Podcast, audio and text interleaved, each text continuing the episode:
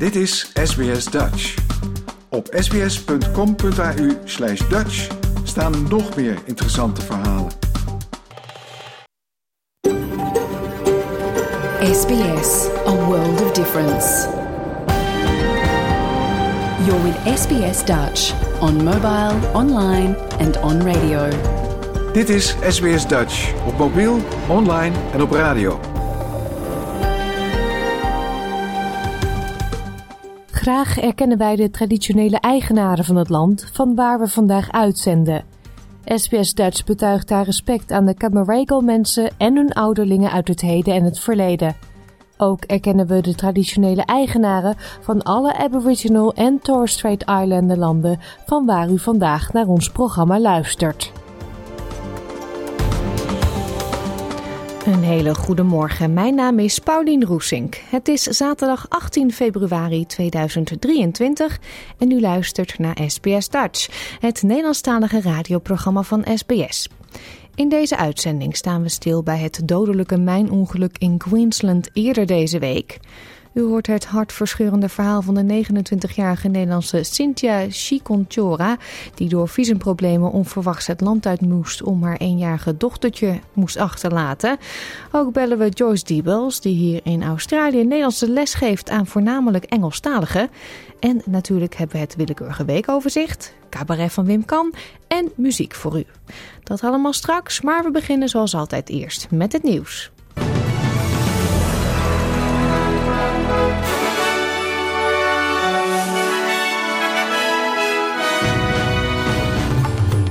Dit zijn de headlines van het SBS Dutch Nieuwsbulletin van zaterdag 18 februari. Hittegolf trekt over delen van Australië. Duizenden Nieuw-Zeelanders dakloos door cycloon Gabrielle. En Alex Menor verliest in de kwartfinales van de Rotterdam Open.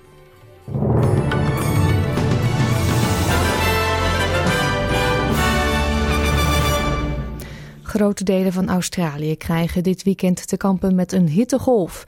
In delen van Western Australia kan de temperatuur oplopen tot de 50 graden. South Australia had donderdag al te maken met extreme hitte. Bij een brand in de buurt van Port Lincoln werden er meer dan 20 gebouwen verwoest. De brand is nu onder controle, maar heeft 153 hectare in de as gelegd. Ook Tasmanië en Victoria voelden de hitte.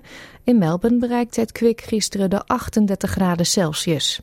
Er geldt daar een totaalverbod voor de stad en de omliggende gebieden vanwege het risico op harde wind en mogelijk droge onweersbuien. Het hete weer zal vandaag over New South Wales en delen van Queensland trekken. In Penrith, ten westen van Sydney, kan het vandaag 38 graden worden. Het dodental als gevolg van cycloon Gabrielle in Nieuw-Zeeland loopt op. Er zijn nu negen slachtoffers gemeld, maar er wordt vanuit gegaan dat dat aantal nog hoger wordt. De Australia Defence Force stuurt mensen en middelen naar Nieuw-Zeeland en ook rampenexperts zijn onderweg om te helpen bij de ravage. 10.000 mensen hebben door de storm geen onderkomen meer en enkele duizenden hebben nog geen contact kunnen maken met dierbaren. De politiecommissaris van Nieuw-Zeeland, Nieuw-Zeeland, Andrew Corster, zegt dat er gevreesd wordt dat het aantal gewonden en doden de komende dagen zal stijgen. We've had roughly four and a half thousand uh, people reported uncontactable.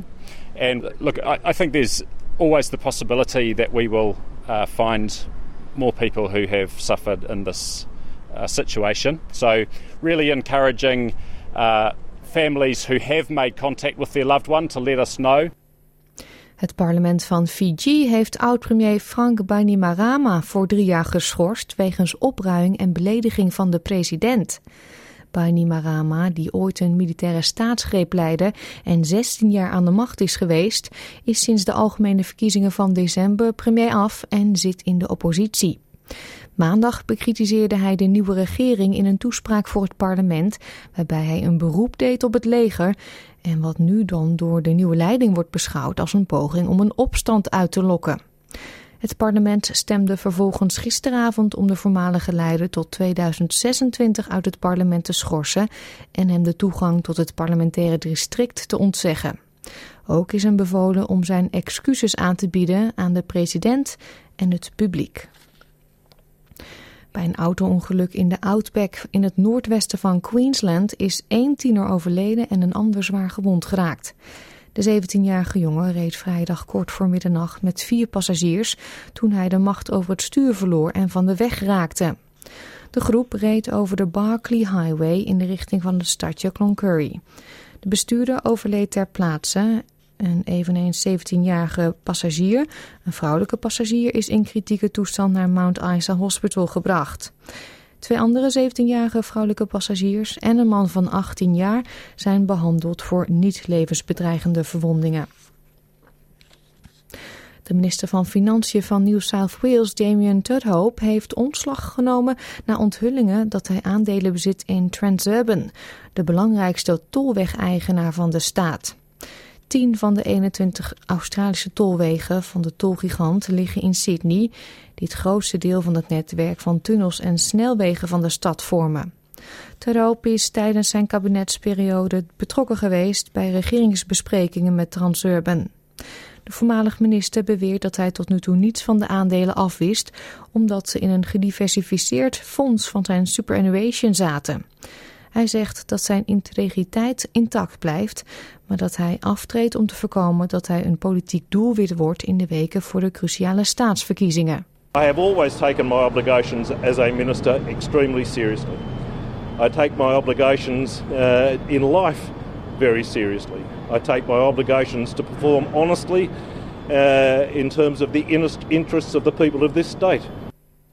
Vijf voormalige politieagenten in de Verenigde Staten hebben bekend onschuldig te zijn aan de dood van Tyre Nichols.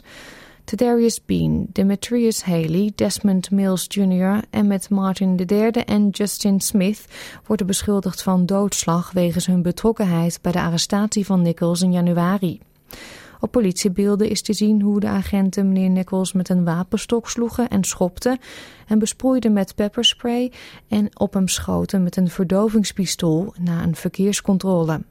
De zaak heeft een nationale discussie over rassenverhoudingen en politiegeweld nieuw leven ingeblazen. De moeder van Nichols zegt dat ze gerechtigheid zou krijgen voor haar zoon. And I want each and every one of those police officers to be able to look me in the face. They they haven't done that yet. They couldn't even do that today. They didn't even have the courage mm. to look at me in my face mm. after what they did to my son. So they're going to see me at every court date, mm-hmm. everyone. Exactly. And um, until we get justice for my son. De oud-politieagenten moeten in mei opnieuw voor de rechter verschijnen. Tegen alle verwachtingen in hebben reddingsteams in Turkije drie mensen levend onder het puin gehaald. De aardbevingen vonden elf dagen geleden plaats. Meer dan 43.000 mensen zijn daarbij om het leven gekomen en miljoenen zijn dakloos geraakt, wat een massale hulpactie op gang heeft gebracht. Moskeeën over de hele wereld hebben begrafenisgebeden verricht voor de doden in Turkije en Syrië, van wie velen vanwege de enorme omvang van de ramp geen volledige begrafenisrituelen konden ontvangen. De Nederlandse premier Mark Rutte en minister Schrijnemacher van de Buitenlandse Handel hebben gisteren een bezoek gebracht aan Kiev. Ze hebben daar een ontmoeting gehad met de Oekraïense president Volodymyr Zelensky. In de ochtend legden ze een krans bij de, bij de muur van herinnering. Het bezoek is vooral bedoeld om steun te betuigen aan de Oekraïners in hun strijd tegen het Russische leger. Rutte bezocht in juli vorig jaar Oekraïne voor het laatst. Hij was toen in Kiev en in de zwaar getroffen steden Borodjanka, Irpin en Bucha. Over een week is het precies een jaar geleden dat de invasie begon. Sindsdien heeft Nederland Oekraïne financieel en militair gesteund. En sport dan. Alex de Minaur is gisteren op zijn 24e verjaardag uitgeschakeld op de Rotterdam Open. Hij verloor in de kwartfinale van de Bulgaar Grigor Dimitrov. De Minor leek vrijdag af te stevenen op een plek in de halve finales van het ATP-toernooi in Rotterdam. Toen hij in de tiebreak in de beslissende set op 6-4 twee matchpoints had. Helaas slaagde hij er niet in om die te verzilveren en dus ging Dimitrov, de nummer 28 van de wereld, er uiteindelijk met de winst vandoor. De wisselkoers dan. Voor 1 Australische dollar krijgt u op dit moment 64 eurocent. En 1 euro is op dit moment 1,55 dollar waard.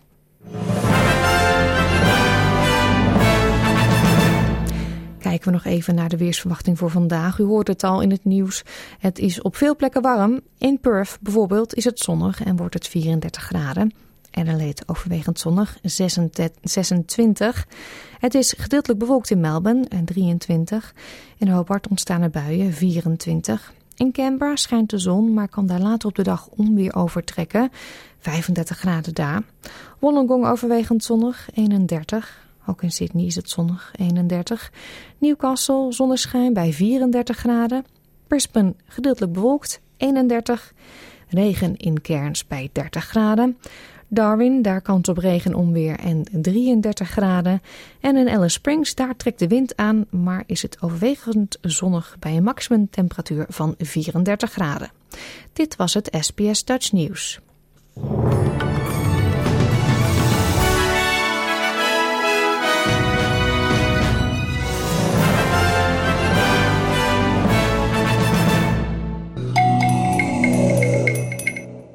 Nogmaals een goedemorgen en welkom bij SBS Dutch. Straks het hartverscheurende verhaal van de 29-jarige Cynthia Chikunyora, maar eerst het mijnongeluk in Queensland. Twee mannen die eerder deze week vermist raakten in een mijn in Queensland zijn dood teruggevonden. Er is een onderzoek gestart om te bepalen wat er precies is misgegaan bij de zinkmijn in Dugald River. Dit is SBS Dutch.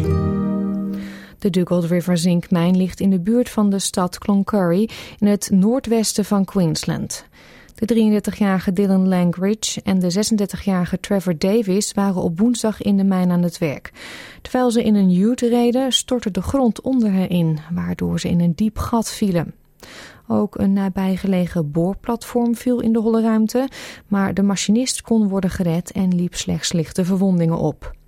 General Manager Tim Aykroyd zei donderdag dat een reddingsteam het voertuig waar de mannen in reden snel gevonden hadden, maar de mannen zelf niet. As you can appreciate, our priority is on ensuring the safety of conditions underground.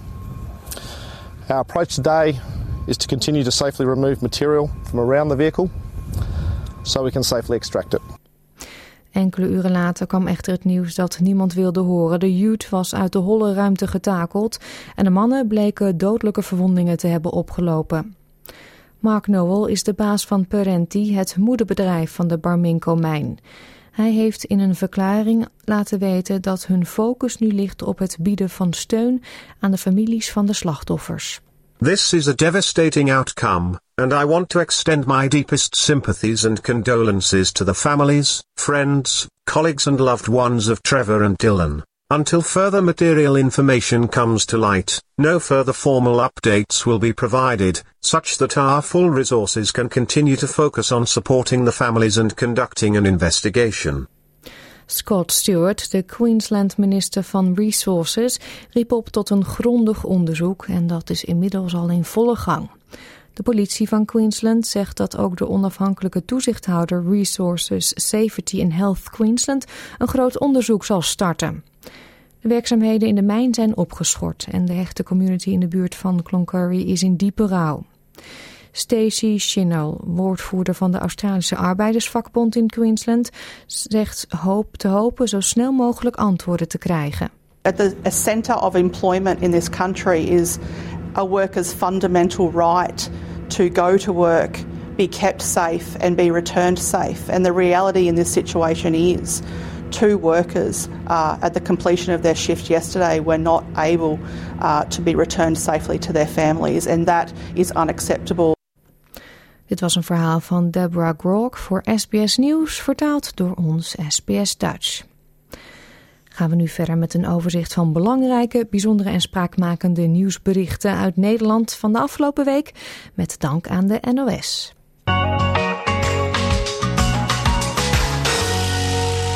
Grote teleurstelling bij de academische ziekenhuizen in Utrecht en Leiden. Minister Kuipers van Gezondheidszorg maakte maandag namelijk bekend dat de afdelingen voor specialistische kinderhartchirurgie in beide ziekenhuizen moeten sluiten. Groningen en Rotterdam blijven wel open. Een van de belangrijkste argumenten is dat er in de overgebleven centra dan genoeg kinderen worden geopereerd om de kwaliteit van de zorg op peil te houden. Maar de beslissing valt zwaar, vooral in Utrecht. U hoort Wouter Kolle, kinderoncoloog Prinses Maxima Centrum, dat naast het UMC ligt. Nou, dat betekent dat die kinderen dus zullen moeten gaan reizen uh, nou, naar, naar, Rotterdam of naar Groningen. Uh, op het moment dat er dus een expertise nodig is van een thoraxchirurg of een thoraxanesthesist. Ja, Utrecht stond er in de hele discussies toch lange tijd goed voor. Hè? Heeft u enig idee wat het ministerie heeft doen kantelen? Nee, ik heb, ik heb geen idee behalve politieke overwegingen. Want van de inhoud van de zorg kan ik het niet begrijpen. Steeds vaker kiezen zij-instromers, dat zijn mensen die wisselen van beroep, voor een praktische MBO-opleiding in de techniek of zorg. Ook mensen die iets ouder zijn en meer met hun handen willen werken. Een van hen is de 36-jarige Maurice Mijnten. Ik was teamleider in een supermarkt. Daar heb ik 17 jaar lang uh, gewerkt. Uh, sinds dat ik uh, vader ben geworden heb ik toen een stapje terug gedaan. en uiteindelijk had ik het idee van ik kom niet meer verder. En toen dacht ik bij mezelf van ja, is dit nou wat ik wil doen tot mijn pensioen? Tegelijkertijd was ik thuis aan het verbouwen, want ik had mijn vrouw een mooie inloopkast beloofd, dus dat was ik aan het maken. En toen dacht ik, hé, hey, dat is handig. En uh, ja, ik ben handig, hè, dat, had, dat had ik niet verwacht. En op een gegeven moment, nou ja, zo is het balletje gaan rollen. Eén dag in de week heb ik theorielessen en één keer in de twee weken heb ik praktijklessen. De koninklijke marechaussee mag niet langer mensen controleren op basis van hun huidskleur. Zo heeft het gerechtshof in Den Haag geoordeeld. Daarmee wordt een eerdere uitspraak van de rechtbank, die etnisch profileren wel toestond, ongedaan gemaakt. U hoort B. Boelen van de rechtbank in Den Haag. De conclusie is dat het door de Koninklijke Marechaussee gemaakte onderscheid op grond van ras bij selectiebeslissingen in het kader van het MTV geen objectieve en redelijke rechtvaardiging bestaat. Het maken van onderscheid op basis van ras zonder objectieve en redelijke rechtvaardiging is een bijzonder ernstige vorm van discriminatie, zoals door het Mensenrechtenhof bij herhaling is benadrukt. De zaak werd mede aangespannen door Empan Subamenga uit Eindhoven. Hij is zelf wel eens uit een rij gepikt vanwege zijn huidskleur. Ik heb het zeker uh, zelf meegemaakt. Uh, ik, ik, maak het aan de lopende band uh, mee. Niet alleen van de Marseillais, ook vanuit andere handhavers zoals de politie. Het is echt vernederend. Um, het is echt een aantasting van mijn menselijke waardigheid. Um, en, en, dat is wat vele mensen in Nederland dagelijks meemaken. En het feit dat er nu een uitspraak is dat zegt dit is etnisch profileren, is echt een erkenning uh, voor wat er uh, heel veel en heel vaak gebeurt in Nederland. En we hopen dat we nu dus echt voorwaarts kunnen gaan en dat wij hier een einde aan kunnen maken. Woensdag vond in Nederland de Nationale Actiedag voor Giro 555 plaats. De hele dag stonden veel radio- en tv-uitzendingen in het teken van de aardbevingen in Turkije en Syrië. In heel het land waren talloze kleine en grote initiatieven om geld op te halen. Op de radio kon men een plaatje aanvragen tegen donatie en online werden er bijzondere items geveild. Aan het einde van de dag, zo rond kwart over tien in de avond, werd de voorlopige eindstand bekendgemaakt.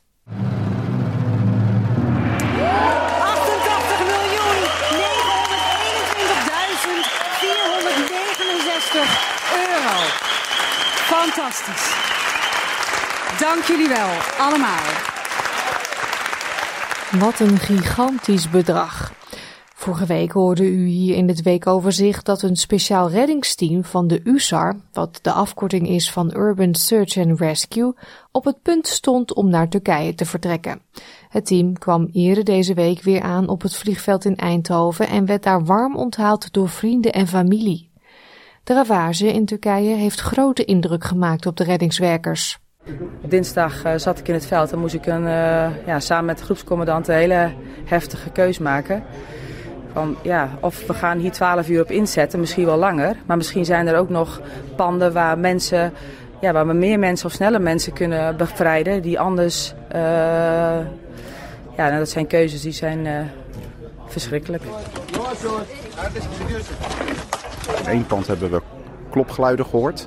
Uh, maar ik had de opdracht om snel te kunnen verkennen en alles wat langer dan vier uur zou duren te parkeren. Uh, en nou lijkt het alsof er daar niemand gered is, maar wij zijn weggegaan. We hebben een hele groep Turken die er aan het werk was aan het werk gezet. En die hebben na 20 uur nog vier mensen onder het puin vandaan weten te halen. En toen wij ochtends terugkwamen op die puinbult waren ze bezig met de vijfde persoon te redden. Dus uiteindelijk zijn die mensen toch gered. En tot zover het weekoverzicht van deze week met dank aan de NOS.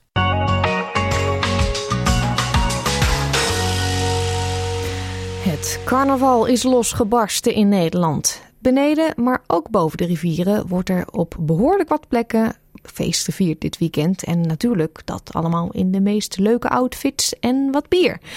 We kunnen dan natuurlijk ook niet anders dan een echte carnavalskraken draaien vandaag. Dit is André van Duin met, ja ja, er staat een paard in de gang. In januari moest de Nederlandse Cynthia Chikonjora geheel onverwachts Australië verlaten vanwege visumproblemen. Vier weken lang leefde de moeder gescheiden van haar pas eenjarige dochtertje en haar kerstverse man. Gelukkig is het gezin gisteren in Nederland herenigd, maar door haar verhaal te vertellen wil ze voorkomen dat anderen in dezelfde situatie belanden. Eerder vanmorgen belde ik met Cynthia. De telefoonlijn was helaas niet helemaal optimaal. Excuses daarvoor. Jouw gemeenschap, jouw gesprek. SBS Dutch. Cynthia, laten we met het goede nieuws beginnen. Jullie zijn vandaag herenigd, hè? Ja, eindelijk. Eindelijk. Na hoe lang was dit? Uh, precies vier weken. Precies vier weken. En het gaat dan om jouw man en je eenjarige dochter.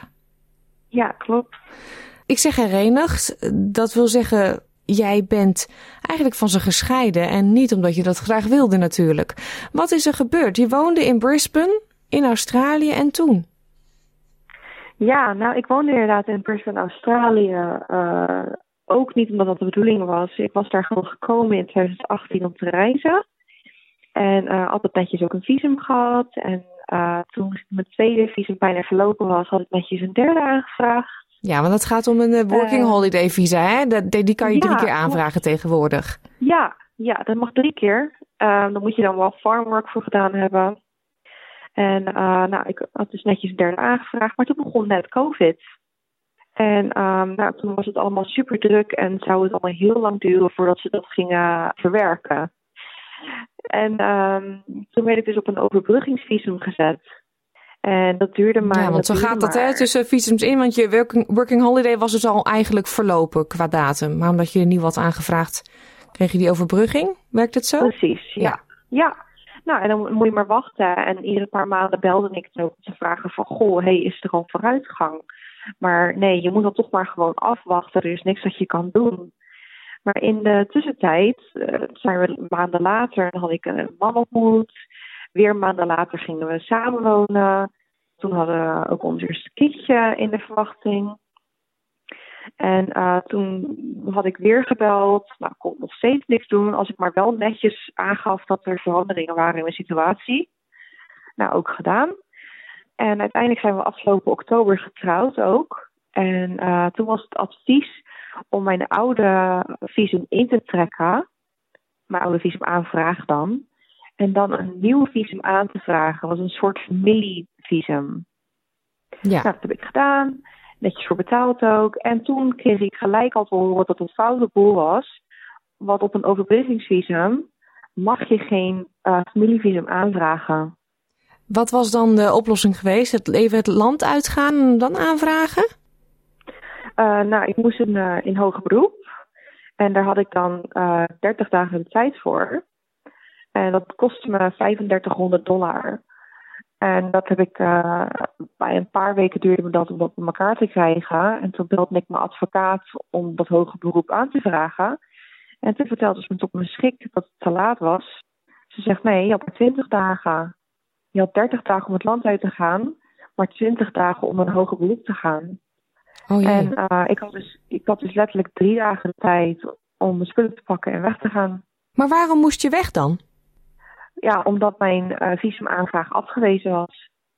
Ja, dus omdat het heel lang duurde om, uh, om die WHV eigenlijk goedgekeurd te krijgen.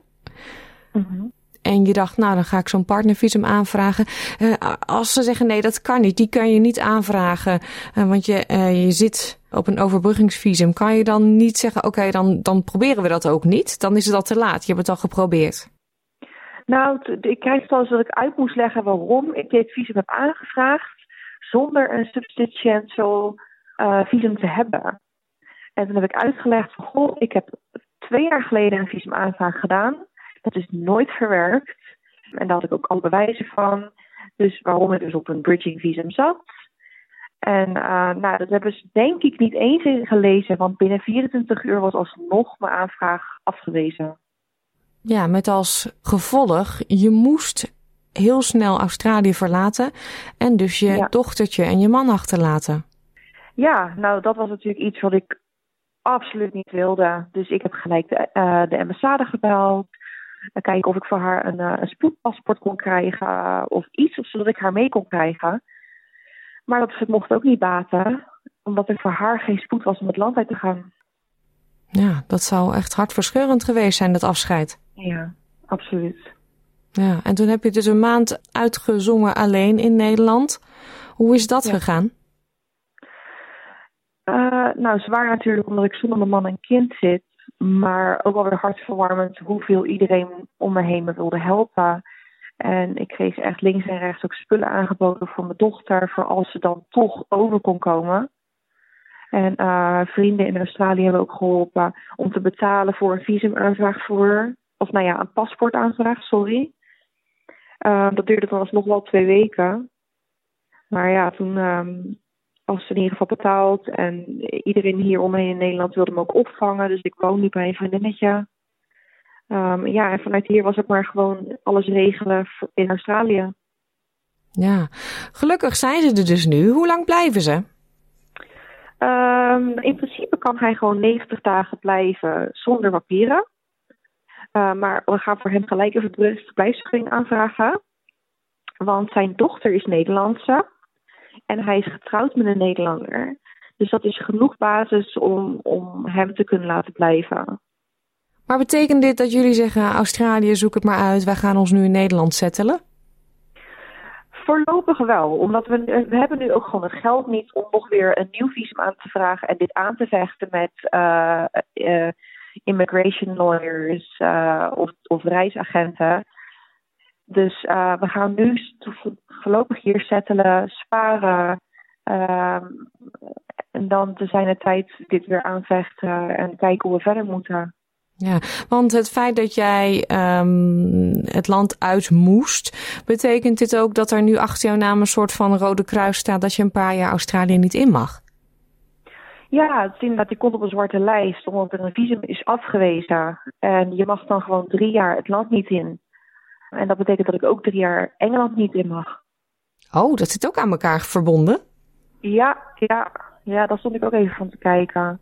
Dus uh, ja, je bent inderdaad gewoon verbannen voor drie maanden, uh, drie jaar, sorry. Maar dat is wel iets wat ik dan nog zou kunnen aanvechten om dan eerder terug te kunnen. Maar ja, dat kost natuurlijk gewoon geld en tijd. Ja. Dit interview, natuurlijk uh, is jouw verhaal schrijnend en je zal vast niet de enige zijn. Waarom vertel je dit aan ons? Er is echt heel makkelijk iets aan te doen om dit te voorkomen. En ik wou dat mij dat verteld was. En ik ben er nu om dit aan anderen te vertellen. Um, ik heb in al die maanden heb ik iedere keer immigratie gebeld om een advies te vragen.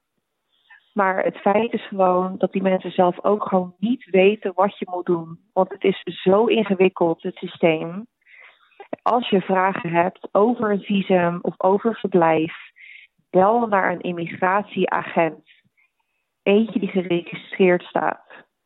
En dan kan je vaak gratis advies krijgen. Of je neemt even een afspraak dat je gewoon even advies kan krijgen. Dat kost niet veel.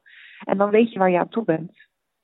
Ja, want als jij bepaalde dingen geweten had, dan was het al dit leed voorkomen. Ja, ja, als mij verteld was van, goh, hey, op dit visum mag jij geen aanvraag doen. Dit had jij vanuit het buitenland moeten doen. Nou, dan had ik gewoon voor een weekje naar Bali gevlogen, aanvraag gedaan en teruggekomen. Ja, zo simpel had het kunnen zijn. Ja, absoluut. Ja. Ik ben blij voor je dat je weer herenigd bent. Want het lijkt me verschrikkelijk om een maand lang zonder je man en je eenjarige kind te moeten. Ehm, ze veranderen Oh, zo zeker. snel in een maand, hè? Ja. Was ze blij om je te zien? Oh ja, zeker. Ze was heel, heel eh, in shock, denk ik. Ze was super moe en eh, ze stond een beetje naar me te staren toen ze me zag. En toen ik er vast had, liet ze me niet meer los. Oh, ze had mama de hele tijd door een schermpje gezien en toen was ze er weer in Ja. één keer. Ja. Ja. Oh. Nou, ik wens jullie heel veel geluk nu voorlopig in Nederland. En ehm, hopelijk kan je toch nog een keer terug naar Australië. Ja, dankjewel. Dat is ook zeker het plan.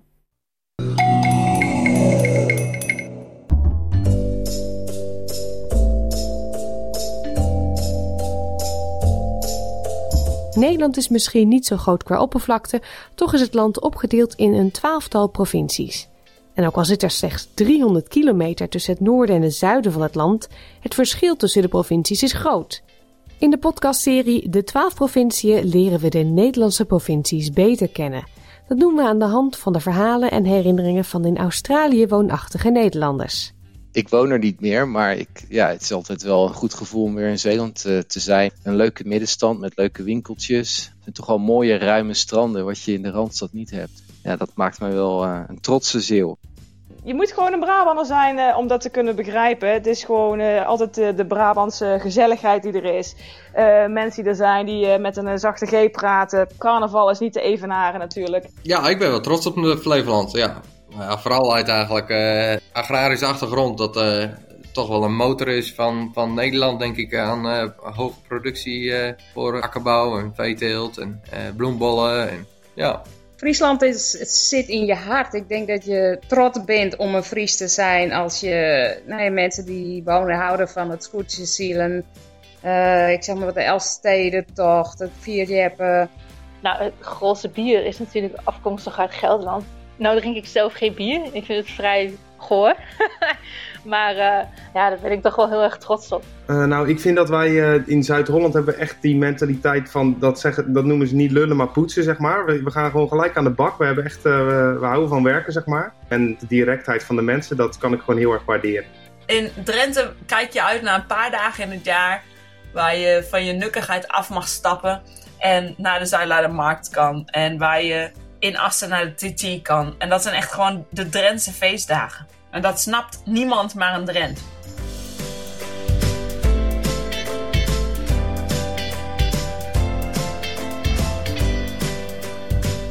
Ja, bent u nou benieuwd wat er zoal verteld wordt over uw eigen provincie?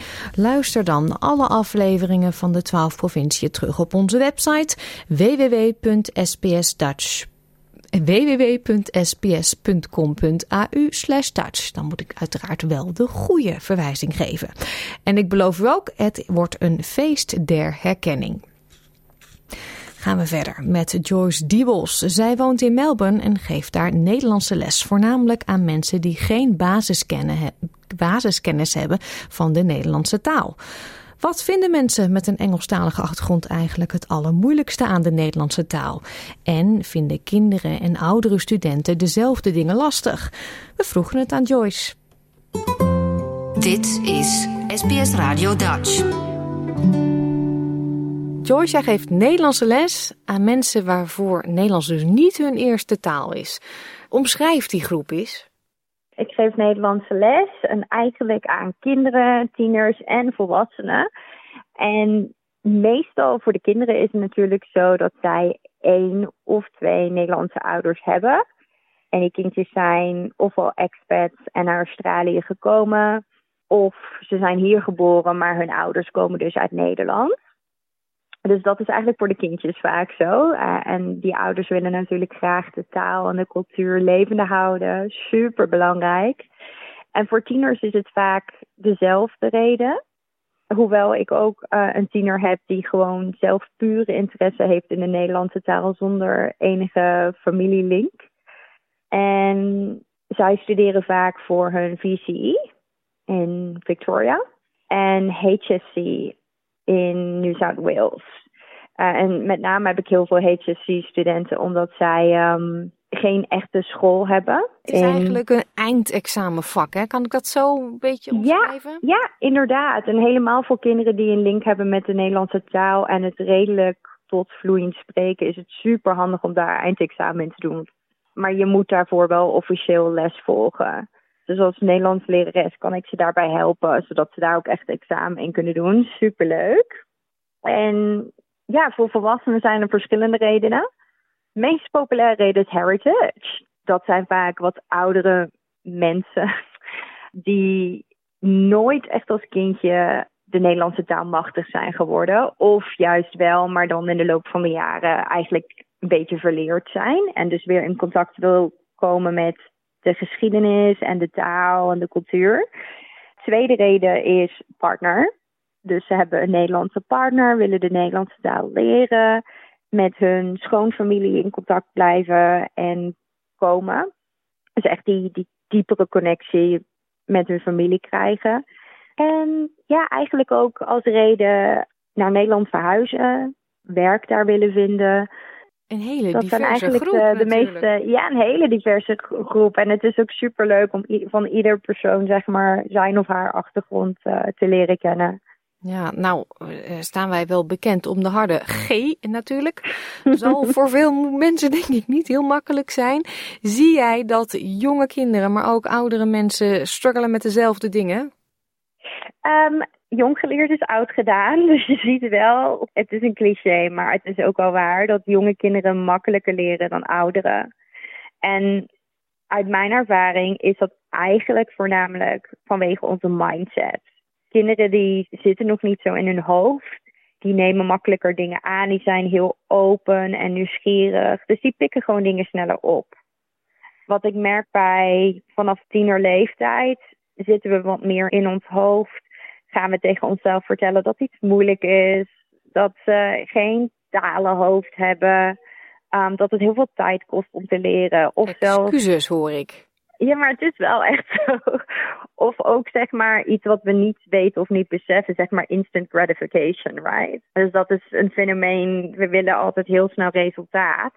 En ik ben wel van mening dat een taal leren best makkelijk is en makkelijker dan we misschien denken, maar het kost gewoon tijd. Ehm, dus je kan niet verwachten, zeg maar, dat na één lesje dat je in één keer natuurlijk de taal machtig bent of dat je alleen met lessen bij mij natuurlijk vloeiend wordt. Het, het- het vraagt wel natuurlijk om oefening en, en het in de praktijk brengen van wat je hebt geleerd. En dat beseffen mensen vaak niet. Ja, ik zeg dit mijn kinderen ook heel vaak. Uh, die willen Hmm. dan iets meteen kunnen. En dan zeg ik, weet je nog, toen je baby was, toen kon jij niet lopen. En denk je dat je van de een op andere dag kon lopen? Dus Precies. Oefenen, dat is het. Oefenen. Ja, en ik geef dit voorbeeld ook heel veel. Weet je wel, lopen, fietsen, autorijden. Kijk, een auto-instructeur kan je leren hoe je moet autorijden. Maar je moet zelf gaan oefenen om je rijbewijs te gaan halen. Precies hetzelfde. Ja, wat vinden mensen het allermoeilijkste aan de Nederlandse taal? Want ik hoor vaak om me heen, oh, het is zo'n moeilijke taal. ja, ik ook, uiteraard. Eh, wat ik heb gemerkt bij mijn leerlingen is zinstructuur. Ehm, de werkwoorden staan op een andere wijze. Wij denken, wij Nederlanders denken op een andere manier over onze taal. ehm, vergeleken met Engels. Dus wij plaatsen onze werkwoorden op een andere plaats in de zin dan wat we met Engels doen. En daardoor raken ze ook vaak gefrustreerd in van, oh, ik krijg die zinstructuur niet goed. Ehm, dus dat blijkt het heikelpunt te zijn. En ook zelfs met kinderen die van beide ouders Nederlands leren, daar zie je ook nog steeds vaak dat de zinstructuur nog niet helemaal kloppend is. Dus dat is wel echt een van de lastigste dingen. En het in de praktijk brengen ook. Ja, dat blijft gewoon een belangrijke rol spelen. Dus ik leg het altijd heel stapsgewijs uit ook. Zodat we helemaal begrijpen van waarom zoiets is. Ja, nou kan je natuurlijk, als je zit te luisteren en denkt, hé, hey, mijn partner, die zou ik ook wel willen dat hij Nederlands gaat leren of Hmm. zo. Ehm, dan kan je lessen nemen bij mensen zoals jij. Je kan eh, kinderen naar de Nederlandse school sturen als die in je buurt is. Ehm, maar wat kan je nog meer zelf thuis doen? Ja, nou, zelfs bij mijn studenten als ze bij mij les hebben, ik blijf altijd aanmoedigen en stimuleren om ook Duolingo te doen. En dat is eigenlijk om twee redenen. Kijk, het spreken en het oefenen, dat raad ik echt aan om bij een leraar te doen, wie dat dan ook mag zijn voor jou. Omdat je dan echt die feedback kan krijgen van hoe je spreekt, wat er nog niet helemaal goed gaat en je, je, je voortgang kan meten. Maar wat Duolingo wel ontzettend goed doet, is spelenderwijs leren. Je kan heel veel dingen luisteren en horen. En je bevordert je vocabulaire. Dus je leert eigenlijk heel veel basiswoorden in Duolingo. En dat vind ik ontzettend goed. Dus het is een heel goed beginpunt om met Nederlandse les te starten. Ja, voor de mensen die het niet kennen, hè, Duolingo, het is een app, hè? Het is een app, ja, dat klopt. Ja, dus het is een talen-app en ze hebben heel veel verschillende soorten talen die je kan doen, waaronder dus Nederlands. Um, volgens mij, zover ik weet, bieden ze dus alleen Engels-Nederlands aan. En het is gratis. En je kan dus eigenlijk gewoon spelletjes doen, woordjes vertalen, woordjes matchen. En daar eigenlijk een soort van puntjes mee verdienen. Dus, en dat werkt dus? Dat werkt, ja. ja. Je ziet mensen die dus um, alleen duwelingen hebben gedaan en daar dus eigenlijk zelf mee geoefend hebben. Een andere is bijvoorbeeld op YouTube video's kijken. Er zijn altijd leervideo's, maar ook bijvoorbeeld het jeugdjournaal. Of zoiets als SBS Radio natuurlijk. Dat, um, dat stel ik altijd ook voor. Omdat je dan, als je het nieuws in het Engels kijkt en vervolgens in het Nederlands, kan je al heel veel van de context oppikken. Gemiddeld zijn er in elk geval 1500 basiswoorden die hetzelfde zijn in het Engels als het Nederlands. Dus je kan eigenlijk al heel veel horen en begrijpen puur op context. En puur op dat sommige woorden hetzelfde zijn. En je kan natuurlijk Nederlandse muziek opzetten of een film opzetten, iets wat Nederlands is op de achtergrond. En dan gaat het nog ineens eens om echt begrijpen wat iedere zin of ieder woord betekent, maar het gewoon op hebben op de achtergrond en eigenlijk daardoor onbewust de Nederlandse taal in je opnemen. Ja, gewend raken aan klanken en zo. Ja, ja, ja. Wat vinden mensen als ze dan een tijdje bezig zijn en ze, ze merken van hé, hey, ik maak progress en ik snap jou en ik kan dit uitspreken. Wat vinden ze dan later het leukst aan de taal, aan het Nederlands? Wat ze het leukste vinden? Ik denk gewoon de connectie maken met mensen die ze kennen. Uiteindelijk de leerlingen die ik heb, die leren Nederlands omdat ze familie of vrienden uh, hebben in Nederland. Of mensen in Australië hebben die Nederlands spreken. En dat ze dan eindelijk een conversatie kunnen begrijpen, aan een conversatie kunnen deelnemen waar ze dat eerst niet konden. En natuurlijk het stukje zelfvertrouwen in het leren van een nieuwe vaardigheid. Hè. Het is dus eigenlijk best wel cool als je een tweede taal leert of een derde, vierde, vijfde. En dat je daar ook heel erg trots op kan en mag zijn. Hè. Dat, dat vinden mensen ook vaak heel cool. Dat ze eigenlijk beseffen van wauw, ik kan gewoon veel meer verstaan dan een half jaar geleden. Ja, tot slot, um, wat is jouw favoriete woord, Nederlandse woord om aan uh, mensen te leren die nog geen Nederlands spreken? er zijn natuurlijk hele moeilijke Nederlandse woorden, maar mijn favoriete Nederlandse woord is gezellig. Die geest zit erin en omdat het echt een typisch Nederlands woord is die te vertalen valt, maar toch de lading niet altijd dekt. En het is gewoon een heerlijk woord. Nou, en daar ben ik het helemaal mee eens. Gezellig, het allerleukste woord in het Nederlands. We komen hiermee aan het einde van deze uitzending. Al onze verhalen en podcastseries zijn terug te luisteren op onze website www.sbs.com.au Dutch. Heeft u een smartphone of tablet, dan kunt u ook de gratis SBS Radio app downloaden. Ga daarvoor naar de App Store of Google Play. SBS Dutch is natuurlijk ook te volgen op Facebook, www.facebook.com sbsdutch. U kunt ons daar een like, like geven en reageren op onze onderwerpen. Woensdag zijn we er weer, maar we nemen afscheid natuurlijk met nog één carnavalskraker. Want ja, dat kan niet anders als we Nederland helemaal over de kop uh, gaat met bier en verkleedpartijen. Dit zijn de deurzakkers met Het Feest kan beginnen. Fijn weekend! Like, deel, geef je reactie. Volg SBS Dutch op Facebook.